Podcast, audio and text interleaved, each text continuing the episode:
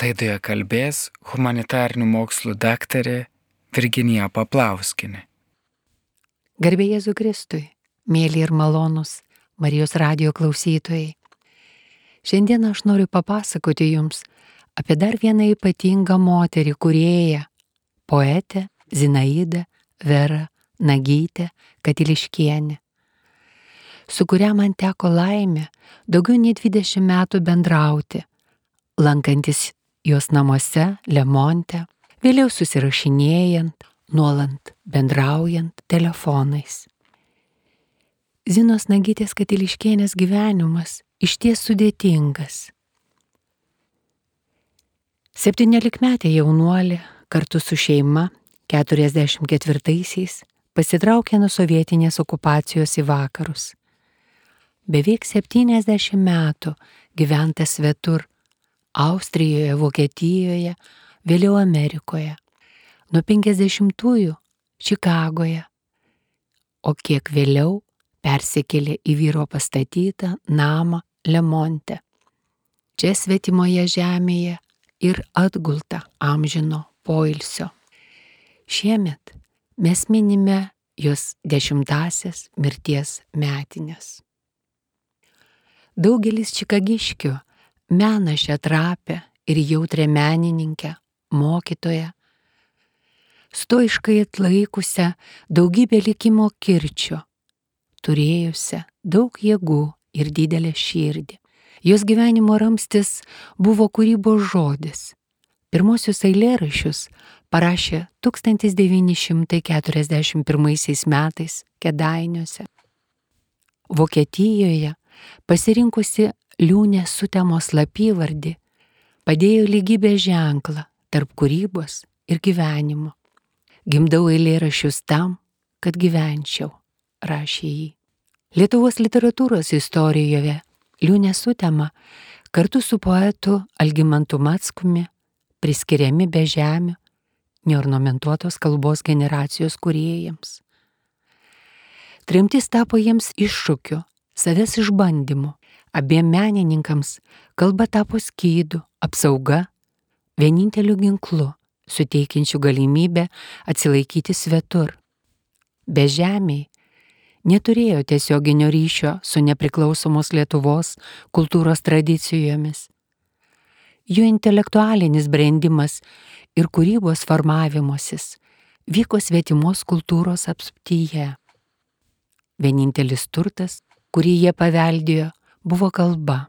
Abu saugojo ir brangino lietuvišką žodį. Ieškojo naujų kūrybinių formų, originalios ir modernios poetinės raiškos. Liūnė sutemo žemynė suformuotas savitas, unikalus stilius. Verlibrų, besilėjančiose dienoraščio, užrašų, laiško, sapno forma parašytose eilėrašiuose, įpinti meno, muzikos elementai. Liūnė sutema išleido septynias poezijas knygas ir dvi rinktinės. Tebūnė tarytum pasakoj išėjo 1955-aisiais. Vėliau nebėra nieko svetimo, bevardė šalis, batmetis, grafiti. Poezijos rinktinė išėjo 1992-aisiais. O antra rinktinė sugrįžau ir paskutinė knyga Tebūnie išėjo Lietuvoje. Liūnė sutema pelnė Lietuvos nacionalinės kultūros ir meno premiją. Poetės eilėrašiai perkeitė lietuvių literatūroje susiformavusi požiūrį jausmingą, sentimentalų moters kuriejos pasaulio suvokimą. Poezijos ašimi tapo metafizinė moters kuriejos likimo problema. Kuriejos, praradusios gimtąją žemę ir jos besiilgiančios, kuriejos, svetimoje žemėje saugančios, branginančios, puoselėjančios atsineštą lietuvišką žodį.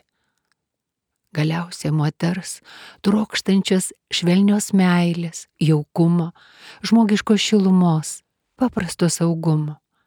Tai yra viso to, kas užtikrintų ir įprasmintų egzistenciją.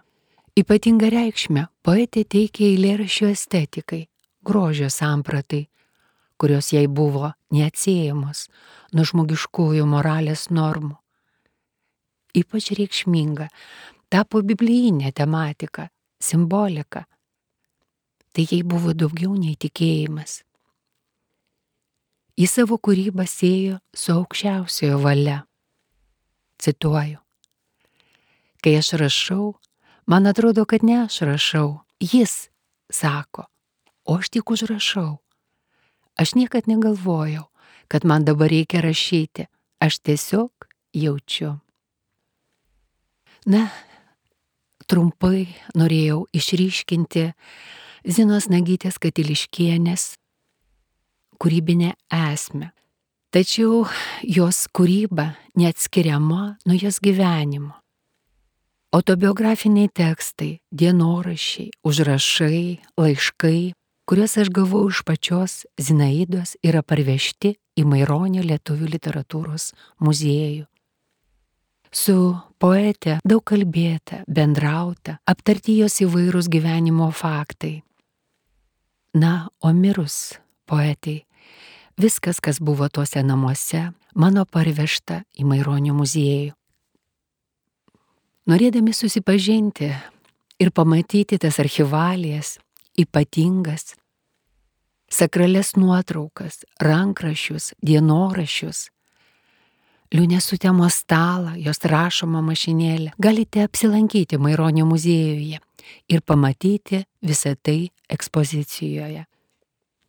Dar poetė gyvai esant, aš sumaniau parašyti apie ją monografiją. Taigi tyrinėjant jos autobiografinius tekstus, kalbėjau su ją, derinau visą mano pasitelktą medžiagą ir parašius monografiją nuvykau į jos namus. Knyga buvo palaiminta ir tik kai buvo palaimintas maketas, knyga buvo išleista. Jos dienorašiuose, užrašuose ryškėjo egzistencinio nerimo persmelkta gyvenimo kelio perspektyva. Tekstuose, užrašytuose Vokietijoje, akcentuojama atsakomybė už baliktą tėvynę, netikrumo ir nežinios jausmai. Taip pat šiuose užrašuose dažnas kelionės motyvas. Kelionės topas tampa ne tik liūnės sutemos gyvenimo, bet ir kūrybos įminimo kodu. Autobiografiniuose tekstuose ryškios dvi linijos - moters, ištikimo savo prigimčiai, dukros, sesers, motinos žmonos ir moters kuriejos, siekiančios padėti lygybę ženklą tarp kūrybos ir gyvenimo, bet pirmenybę teikiančios kūrybai. Taigi visus, ką sudominau savo tokia įžanga pamastymais, kviečiu surasti bibliotekoje e, knygą Liūnės sutema gyvenimo ir kūrybos keliais ir perskaityti šią mano parengtą monografiją ir paklajoti jos gyvenimo ir kūrybos keliais. O dabar mes praskleiskime tas visas archivalijas ir bent trumpai žvilgtelkime į jos gyvenimo ir kūrybos kelią. Juk Liūnė sutema yra rašiusi, kad jos vaikystės vėjas turi visas spalvas, taigi sugrįžkime jos vaikystę. Pradžių pradžia mažiekiai. Ji gimė 1927 metais Nagių šeimoje. Čia jau augo vyresnėjai broliai, dviniai Henrikas ir Martynas. Mažiekiuose Zinaida išmoko lietuvių, latvių, vokiečių kalbas, nes mama buvo latvė, tėvas žemaitis, o senelė vokietė. Visos kalbos jai ir tapo tarsi gimtosiamis. Zina prisimena, pradžioje nei su broliais, nei su tėvu nesusikalbėjo. Kai motina ir senelė norėjo, kad jų nesuprasčiau, kalbėjau latviškai, tada išmokau latviškai. Lietuvių kalbos išmokau su tėvu, na be abejo ir žemaičiu. Iš senelės išmokau vokiečių kalbos. Zina augo apsupta švelnių artimų moterų rūpešių. Ypatingas dvasinis ryšys sieja su mama Latvija Antanina bei senelė Emilija Peters Grundmanis. Senelė mintinai deklamavo Giotę, Šilerį, Rilkę, ji be galo mylėjo poeziją ir tą meilę perteikė savo anūkams Henrikui ir Zinaidai. Tačiau nemažiekiai, o būtent tėvo tėviški buknaičiai tapo jas gyvenimo kertiniu akmeniu. Mylimos tėtos Mortos namuose praleisdavo visas vasaras.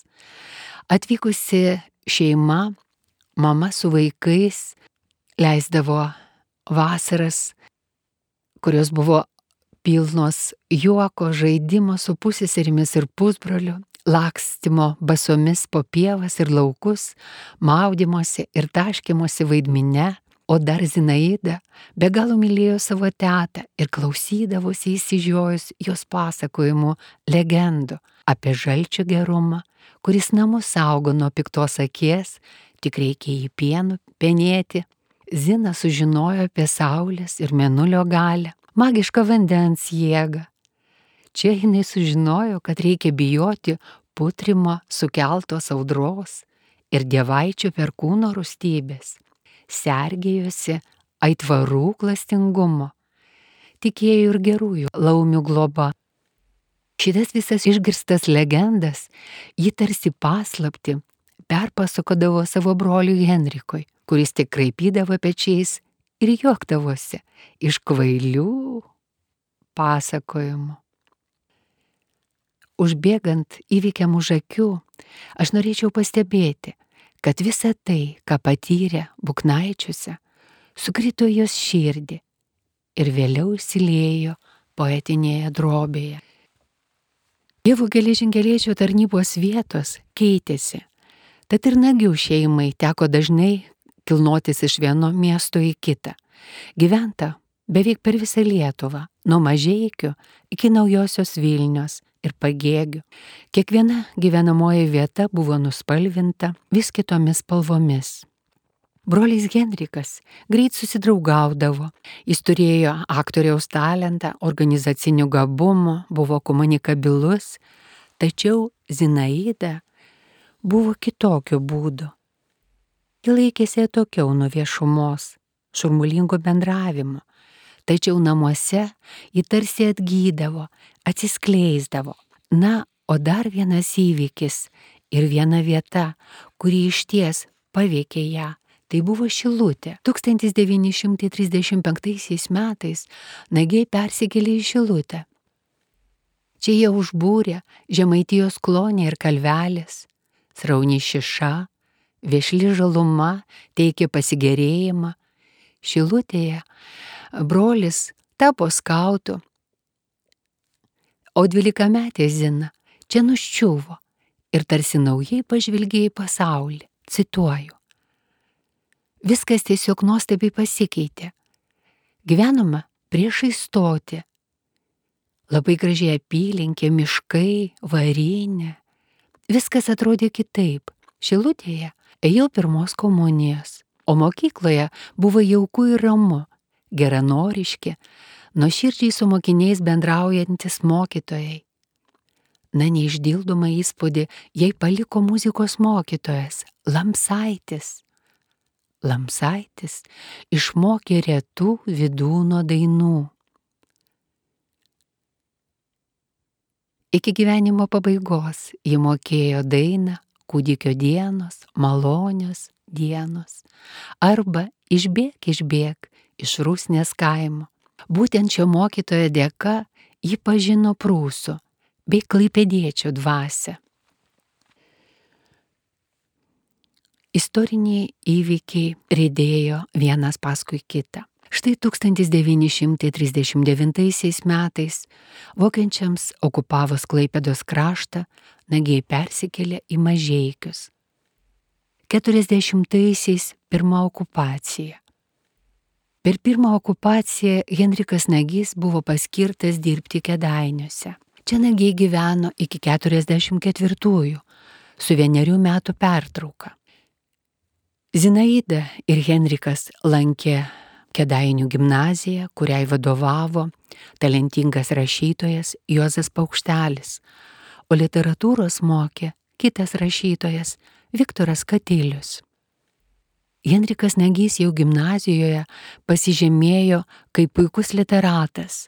Jo kūrybą spausdino ateitis, mokslo dienos, žydinys, naujoji Romuva.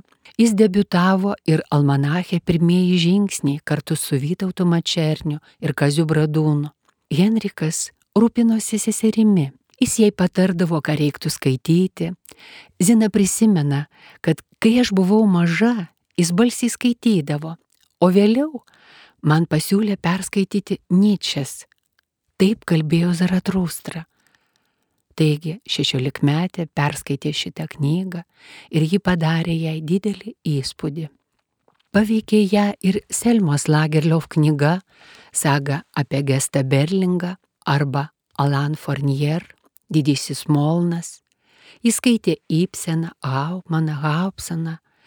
Taip pat abu su broliu gerėjosi Hofmanštaliu, Hesse, Rimbo. Zinaida minėjo, kad ji mėgo Antano Miškinio ir Jono Koso Aleksandраvičiaus poeziją. Ji prasitarė. Buvau poezijos pakerėta, tik dar nežinojau, kad ir pati rašysiu. Jenrikas ne tik patardavo Zinaidai su skaityba, bet ir veždavosi ją į Kauną, į Vilnių. Abu lankė muziejus, parodas, na ir dalyvavo įvairiuose renginiuose. Štai vienas iš renginių, kuriame dalyvavo kartu su vyresniaisiais, vyko Filharmonijoje 44 metais. Tuomet ir Zinaida buvo kartu su broliu. Ji rašė, girdėjau Mikolaitį Putiną, Petrą Vaičiūną, na ir be abejo jaunosius poetus - Bradūną, Mačernį, Krivicką, Niliūną, Matuzevičių. Ypač įstrigo Mačernis. Brolis mane supažindino su savo draugais, su Indriliūnu, Krivicku. Na įdomus pokalbis vyko su Mačerniu. Aš prisimenu tik jo akis ir susižavėjimo kalbant apie Fiodoro Dostojevskio kūrybą, apie brolius Karamazovus. Artimas Henriko Nagio draugas buvo Julius Kaupas, pasakininkas, rašytojas, psichiatras. Julius Kaupas artimai bendravo su Nagių šeima, atvykdavo į Kedainius ir liūniai sutemai jis tapo trečiuoju broliu. Taip jinai įvardijo, kad Julius Kaupas, pasakininkas, buvo jos trečiasis brolis. Taigi Lietuvoje išryškėjo Zinos polinkis į literatūrą, filosofiją. Ji pradėjo kurti eilėrašius, nedrasiai, atsargiai. Štai ką jinai rašė. Cituoju. Pradėjau ne tik skaityti poeziją, bet ir rašyti eilėrašius slapta nei draugiams, nei namiškiams nesakiau. Henrikas kažkaip įtarė. Vieną dieną pasižiūrėjau mano stalo stalčių ir rado sąsiuvinį su įvairiais bandymais. Tada pradėjo mane kalbinti, kad būtinai neapleiščiau rašymo. Pradėjom kalbėtis, kodėl žmogui atsiranda toks noras išsakyti savo arba kito žmogaus jausmus, įspūdžius ir galvoseną. Žodžiu, Henrikas man buvo lik koks užnugaris, ramstis. Dėja, istoriniai įvykiai rėdėjo per visą pasaulį. Prasidėjęs karas nieko gero nežadėjo. Viena paskui kitą sekančios okupacijos vertė priimti jaunuosius drastiškus sprendimus - palikti tėvynę. Antroji sovietų okupacija išstumė iš Lietuvos brolius, o kiek vėliau jų pėdomis išvyko ir visa nagių šeima. Zinaida paėmė savo brolio rankraštinius sąsiuvinius, įsidėjo į kuprinaitę ir savo pirmosius eilėrašius, dienorašius, įsimetė ir Koso Aleksandriškio tomelį ir Rilkės poezijos rinktinę. 1944 metais visa šeima pasiekė sudėtų kraštą. Tėvas gavo darbą geležinkelėje, o Zinaida mokėsi vokiečių gimnazijoje Lanskrone. Brolis sužinojęs apie tai, kad e, ir jo šeima pateko į Vokietiją, susirado savo seserį, savo tėvus ir vėl pradėjo rūpintis Zinaida. Norėjau parodyti jai vieną gražiausių Vokietijos miestų - Elbės Veneciją, Dresdeną. Tai buvo Saksonijos žemės sostinė, išsimėčiusi abipus Elbės upių ir nuo Berlyno nutolusi apie 200 km. Taigi abu su broliu išvyko į tą nuostabų baroko rokoko stiliaus rūmais ir gotikinėmis bažnyčiamis pagarsėjusi miestą. Tai buvo 1945 m. vasario 13 diena užgavinės. Nuostabi diena. Jie praleido daug gražaus laiko Dresdenė, lankėsi bibliotekose, gražiose Zvingerio rūmose. Brolis pasakojo apie literatūrą, meną. Grįžę į savo miestą, netoliese už šimto kilometrų nuo Dresdeno, jie džiaugiasi puikia kelione.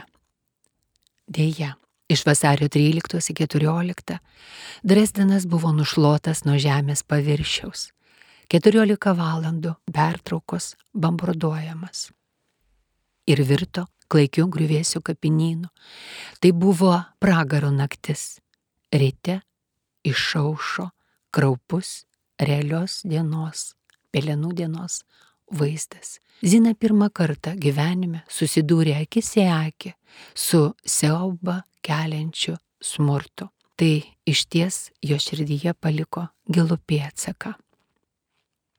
Srauni laiko upė įtraukusi į savo chaotiškus verpetus, nešė į nežinę daugelio bedalių ir bežemių likimus. Jaunieji lietuviai nesustojo. Jie tobulėjo, jie skaitė, jie kūrė, jie rašė. Na ir baigusi gimnaziją, Zinaida su broliu išvyko į Innsbruką studijuoti universitete, siekti mokslo. Čia Innsbruke jinai susipažįsta su Danute Marija Jesaitaitė, Eugenija Ramanovskaitė, Joana Bramikaitė, Onytė Stikliūtė, kuri tapo ypatinga jos draugė iki gyvenimo pabaigos. Na, čia ir daugiau buvo jaunimo. Čia Innsbruke ji susipažino su klasikinė muzika. Bendrabutėje gyvenęs pianistas Andrius Kuprevičius, kaip jis sakė, nuo ryto iki vakaro skambino fortepijonu. Mums studentams buvo sudarytos puikios galimybės ne tik gilintis į mokslą, skaityti, bet ir lankyti simfoninius koncertus. Taigi atradau Bachą, Šubertą, Bethoveną, Šopeną, ypač pakerėjus Metanos Moldaviją. Abi su draugė išvyko į Zalzburgą, Glasenbachą. Čia susipažino su Vytauto didžiojo universiteto bibliotekos direktoriaus pavaduotoju Česlavu Grincevičiumi, kuris pradėjo globoti jaunas studentes, aprodė Zalzburgą, vesdavosi į operas, į simfoninius koncertus, na be abejo ir pasakojo apie Mocarto gimtai miestą. Grįžus į Innsbruką, Zinaida susirašinėjo su Česlavu Grincevičiu. Ir tuose laiškuose atsiveria jos pomėgiai, išriškėja jos interesai. Štai jinai kalba apie klasikinę muziką, kas jai patinka, ko jinai domisi. Be abejo, čia minimas ir Bachas, ir Šopenas, Šubertas. Taip pat jis žavisi ir knygomis. Viename laiške mini. Štai vėl pradėjau skaityti knygas. Jų tiek daug, o buvo laikas, kad negalėjau net knygos paimti į rankas, man buvo sunku, o dabar vėl skaitau. Svetimi pasauliai, gražus, skausmingi, liūdni, šaukiantis, beviltiški, daug pasaulių. Svetimos širdis, na, jos tampa man artimos. Tačiau reikia pasakyti, kad ne tik skaityba ir muzika, bet ir menas ją žavėjo, lankė ir parodas. Innsbruke Henrikas Negys subūrė Lituaniją, sambūrį, rengdavo kultūros, literatūros vakarus.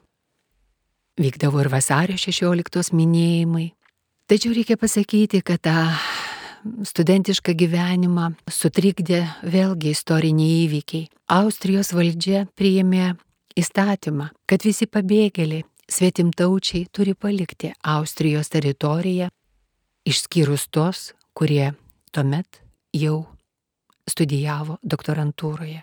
Ir vienas iš jų buvo Henrikas Negys, kuris rašė disertaciją apie traklio kūrybą.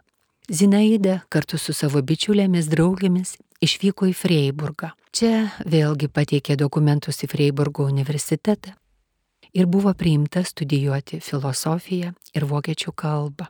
Freiburgėje buvo susibūręs jaunų, talentingų lietuviukų kuriejų sambūris. Čia jau gyveno ir Julius Kaupas su savo žmona Dale ir sunumi Algiuku. Čia atsikėlė ir Nika Niliūnas su savo žmona Aleksandra Laucevičiūtė. Buvo ir e, menininkų, aktorių, vienas iš jų Jurgis Blekaitis. Čia atvyko iš Hanau ir Marius Katiliškis, talentingas rašytojas. Henrikas Nagys supažindino seserį su Mariumi Katiliškiu. Ir pačios Zinos nuostabai iš pat pirmų valandų atsirado bendra kalba su Mariumi. Šiaip nedrasi ir kukli Zinaida su šiuo žmogumi pradėjo artimai bendrauti. Cituoju jos pasakojimus. Prasidėjo ilgi pasivaikščiojimai po kalnus ir nesibaigiantis pokalbiai. Taip, jog kelis kartus per savaitę esu praleidusi paskaitas. Aš upikau ant savęs ir ant Mariaus. Marius buvo atviras, jis nieko neslėpė. Jis išsipasakojo visą savo gyvenimą. Pasakojo apie tai, kad Lietuvoje dalyvavo išsivadavimo būriuose, dalyvavo Sedos mūšyje prisipažino, kad Lietuvoje liko jo žmona Elzė Avižonytė. Marius buvo patekęs į chaotiškų istorinių įvykių verpetą. 1943-aisiais Žagarės valšyje gavo asmens pažymėjimą, kuriame jo tikrasis vardas ir pavardė Albinas Vaitkus buvo pakeisti į Mariaus Katiliškio vardą ir pavardę. Taigi dalyvavęs sukilimuose prieš sovietų okupacinę valdžią, buvo pasvalių sukilėlių štabo adjutantas.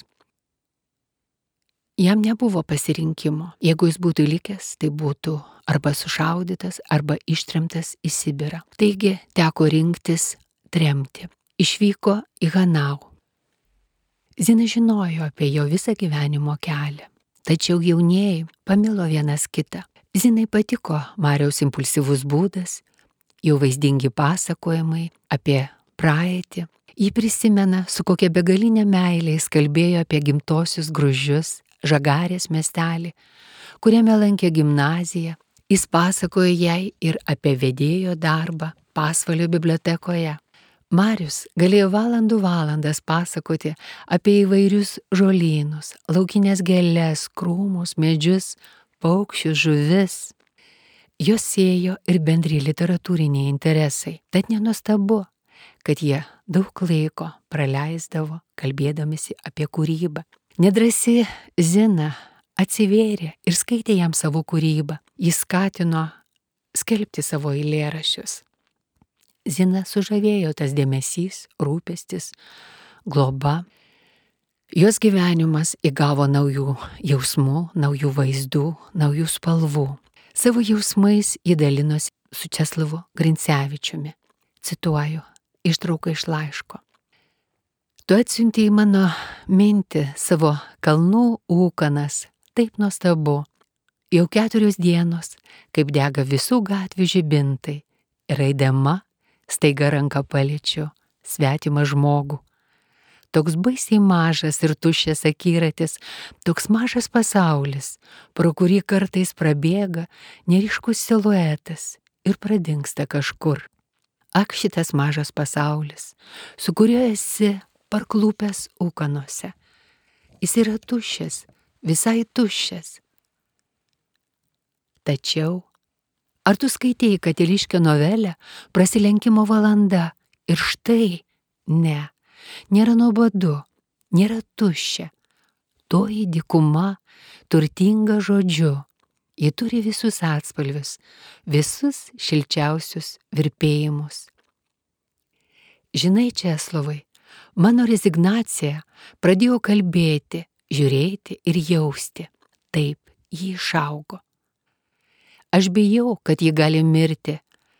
Nežinau, kaip reikėtų be jos gyventi, bet dabar geriau. Ji kalba. Ir aš stengiuosi tai užrašyti. Taigi, santykiai su Mariumu Katiliškiu paskatino jos kūrybinį impulsą. 49 metai daugelį mūsų lietuvių išeivių tapo pasirinkimo metais. Į okupuotą Lietuvą negalėjo sugrįžti.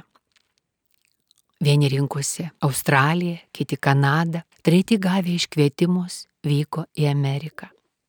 Henriko Nagio visai šeimai iškvietimus parūpino pranciškoniškos dvasios poetas Leonardas Andriekos. Jis atsiuntė iškvietimus. Ir 1949 metais visa šeima pajudėjo link Amerikos. Sunkus buvo išveikimas Zinai. Jis suvokė, kad tolsta nuo Europos ir tolsta nuo savo tėvynės.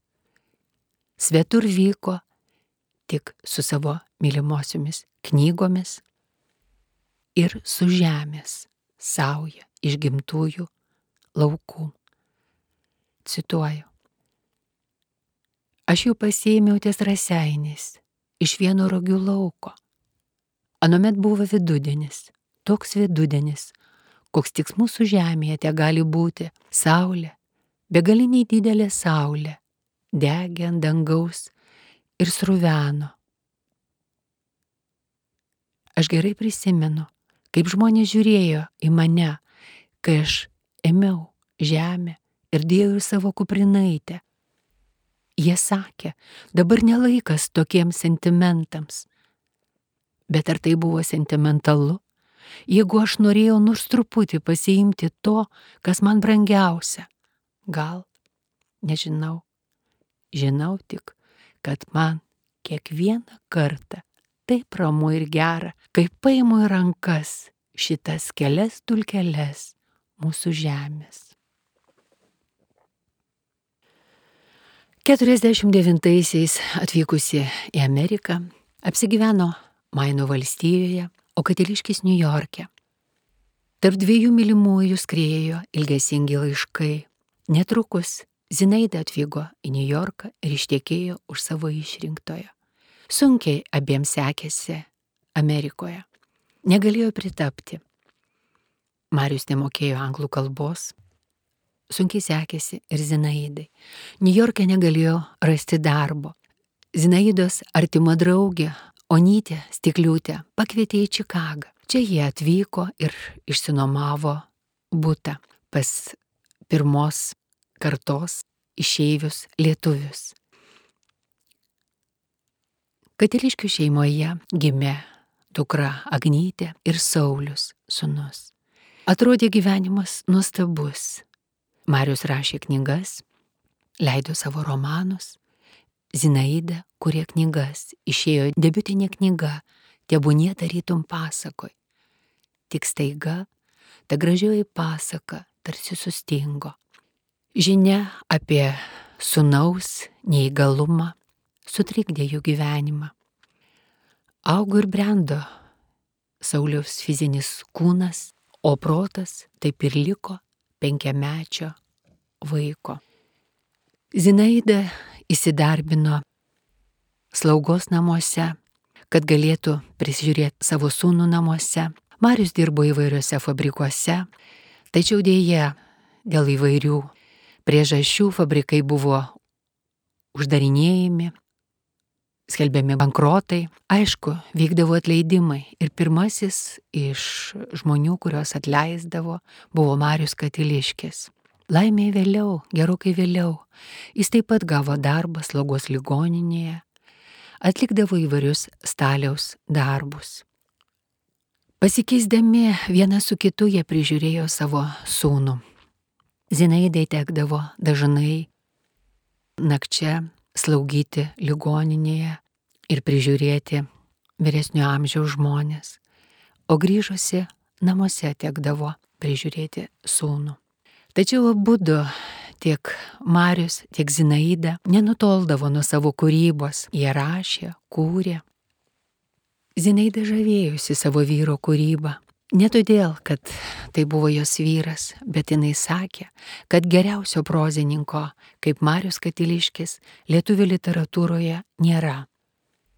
Tiek Marius, tiek Zina dalyvavo santaro šviesos suvažiavimuose. Jų namuose rinkdavosi draugai, ypač artimas buvo Algymantas Matskus, Julius Kaupas su žmona Dale Na likimo laumės, sergėjusios ir globojusios Zina, švelniai vedusios per gyvenimą Amerikos žemėje, tarsi apleido. Zinos daliai teko ne vienas sunkus išbandymas. Pradėjo sirgti Marius. Liga palaužė jo stiprybę.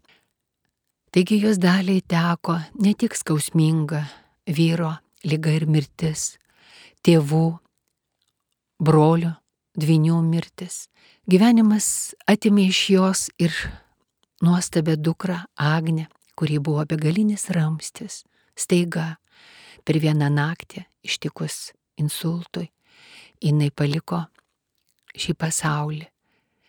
Na ir po kiek laiko ir neįgalus sunus iškeliavo Anapilin. Tiek praradimo teko iškesti vienai moteriai. Zinos Dienos buvo praskaidrinamos Eriku ir Mariumi, tai Agnytės vaikai, anūkai. Tačiau Zina negalėjo jų prižiūrėti ir auginti kiekvieną dieną, jie atvykdavo pas ją savaitgaliais, o jais rūpinosi Agnytės artima draugė Rasa. Zina pranciškoniškos dvasios globojo aplinkinius gyvūnus, Keletas dešimčių kačių buvo maitinamos, lesinami būriai paukščių, net ir meškienai, aktė meškienai. Vienas iš jų prasibrovęs pro kaminą įkrito ir sugriovė Mariaus statytą namą. Matomai tik tiek ir reikėjo. Taigi Zina persikėlė į netoliese esantį tėvų namą. Zinaida ieškojo atsvaros kūryboje. Ji rašė. Jau esu minėjusi, kad išėjo septynetas jos knygų. Kiekvienas gyvenimo laikotarpis iš ties turi tam tikrą jos poezijos knygą. Norėčiau priminti, kad visas knygas jūs galite rasti bibliotekoje ir pasiskaityti. O aš norėčiau priminti, išskirti knygą grafiti. Ši knyga yra ypatinga. Sėdėdama prie mirštančio vyro Mariaus, ji rašė ant mažų skautelių tarsi angliukų grafiti, tapydama ant sienų, lengvi ir paprasti, skausmingi eilėrašiai lėjosi vienas paskui kitą. Liūnė sutema eilėrašiuose iškėlė skolą savo žemiai, savo genčiai, kalties ir pareigos, meilės ir išdavystės, gyvenimo ir mirties temas. Vokietijoje padėjusi tarp gyvenimo ir kūrybos lygybės ženklą, piešė kasdienybę. Laiškė Česlovui Grincevičiui jį rašė, kad širdis yra trapios, jas reikia labiau mylėti negu protą. Protas nužudo širdis. Jis man visuomet primena kainą, kuris nužudė Abelį. Gal todėl mažo širdies žemėje. Ne, ne, aš nesmerkiu protą, bet aš visuomet turiu su juo kovoti, nes jis sugriauna viską, kas gražu ir gera. Liūnės sutemos rinkiniuose vienas paskui kitą pinosi mitologiniai, biblijiniai motyvai, iškeliama ir gyvybės medžio metaforą. Cituoju. Pašaukite mane, atspėję vardą, ir aš žiemuosiu jumise, saulės medžio šaknis glausdama, ir aš pavasarėsiu jumise, saulės medžio lapus skleisdama. Būsiu tyli, nematoma, tik atspėkite vardą ir priimkite mane. Iš ties, baltų mitologijoje gyvybės, saulės medis šakomis remiasi į dangiškąjį pasaulį, o šaknimis giliai prasiskverbia į pomirtinį. Poetės kūryboje šie du gyvenime sujungiami aspektai į vieną. Gyvybės, saulės medžiu teka liūnės sutemos kūrybos kraujas. Pulsuoja lietuvių liaudės dainų fragmentai, leliojimai, raudos, maldos, litanijos, švyti simbolinė pasakų poetika, susipinusi su saulės, mėnulio, žalčio, ugnies, dievybių simboliais. Įžaidžia kalba, dėliojant trumpus, neornamentuotus žodžius. Kalba yra posilėjima. Yra žodžių, kurie liks spalvingi vaisiai, rėda ir rėda pro mane, o surinkti jų negaliu. Tada tyliu ir gyvenu tyla, o kartai žodžiai, lyg aštrus akmenys, velės po kojom. Ir pereit per juos sunku, tada kalbu ir gyvenu kalba. Savo paskutinėje knygoje Tebūnie Zinaida Nagytė kalba su išėjusiais anapus. Ji veda dialogą su Kristumi, pagonybės dievais, susilieja kalbančiojo ir kalbinamojo balsas. Viename kūrinio ligminyje kondensuotai išsirikioja artimų žmonių paveikslai, gimtosios žemės vaizdiniai. Poezija persmelkta ilgesio, grindžiamo troškimo. Troškimo per kalbą išsaugoti tautinę savastį. Gyvenimo kūrybinio pasaulio ašimi tampa žodis, jo rašymas, kvepavimas, nes rašoma tam, kad gyventum. Per meną ateina susitaikymas, nušvietimas, atsipalaidavimas ir užsimiršimas. Paskutinėje knygoje nutapytas metafizinės kančios išvargintos moters kuriejos paveikslas.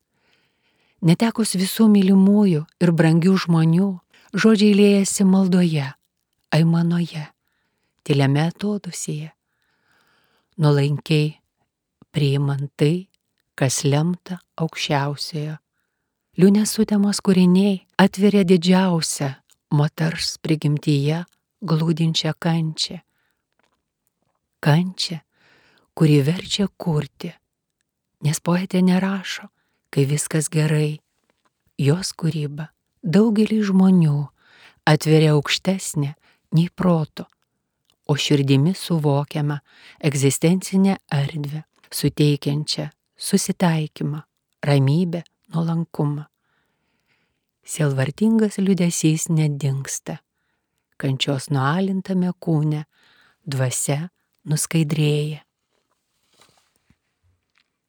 Emigruosiu į šalį, kurios dar nėra, ir duosiu jai vardą su tema, ir ji bus nepriklausoma nuo dangaus ir žemės, neperkama ir neparduodama ir nepasaka, kai didysis magas ranka debesi palies, upelė liūnė sroventi pradės, nusineždama visus paskendusius.